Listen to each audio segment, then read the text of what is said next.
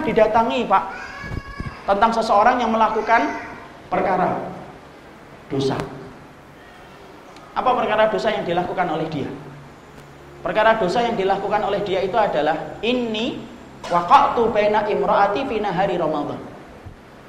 Saya itu mencampuri istri saya pada siang hari bulan Ramadan. Halak tuh ya Rasulullah, saya celaka ya Rasulullah.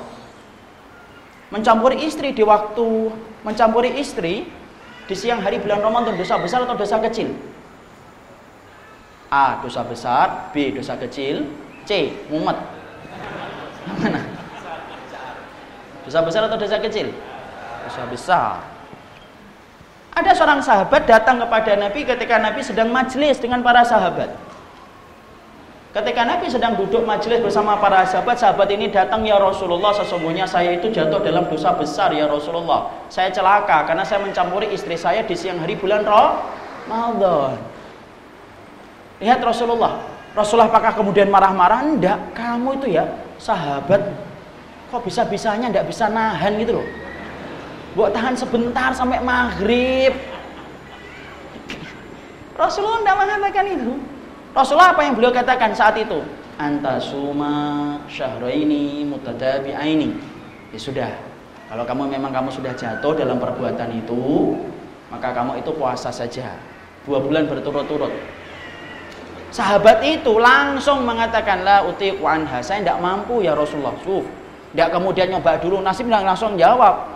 Kamu itu ya coba dulu. langsung jawab aja. Rasulullah tidak ngatain itu pak. Bapak apa nggak kagum baca riwayat itu? Betapa lembutnya Nabi. Semangatnya untuk memasukkan orang ke dalam jalan surga itu sebegini besarnya itu. Sunnah itu tidak pernah menjadikan kita mengeluarkan orang dari surga. Tapi semangatnya sunnah itu memasukkan orang ke dalam surganya Allah sebanyak-banyaknya. Maka Nabi mengatakan, masa dua bulan berturut-turut tidak kuat ya Rasul. Nabi tidak marah. Masya Allah ya kamu itu ya. Kalau sudah ngerasain nikmat ya dibalas dulu. Enggak. Kemudian Rasulullah lalu mencarikan solusi yang kedua. Langsung itu. Untuk baca hadis yang Bukhari Muslim. Yang kedua yang disampaikan oleh Nabi saat itu apa? Nabi lalu mengatakan, yaitu kalau begitu tahriru raqabah, kamu bebaskan budak. Ya Rasulullah saya tidak punya uang membebaskan budak. Ya sudah kalau kayak gitu berikan makanan kepada 60 orang miskin. Lihat, Nabi memberikan tahapan-tahapan.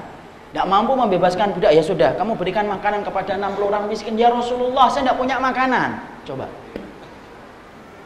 Lalu kemudian Nabi masuk ke dalam rumahnya, ada sekantong kurma, dikasihkan itu kepada sahabat tadi yang mencampuri istrinya pada siang hari bulan Ramadan, yang mana kita membaca itu dosa besar. Nih, kasihkan kepada tetanggamu miskin, aku membantumu untuk membayar kafarah. Lalu dia berkata, ya Rasulullah, emang ada yang lebih membutuhkan kurma ini selain saya ya Rasulullah?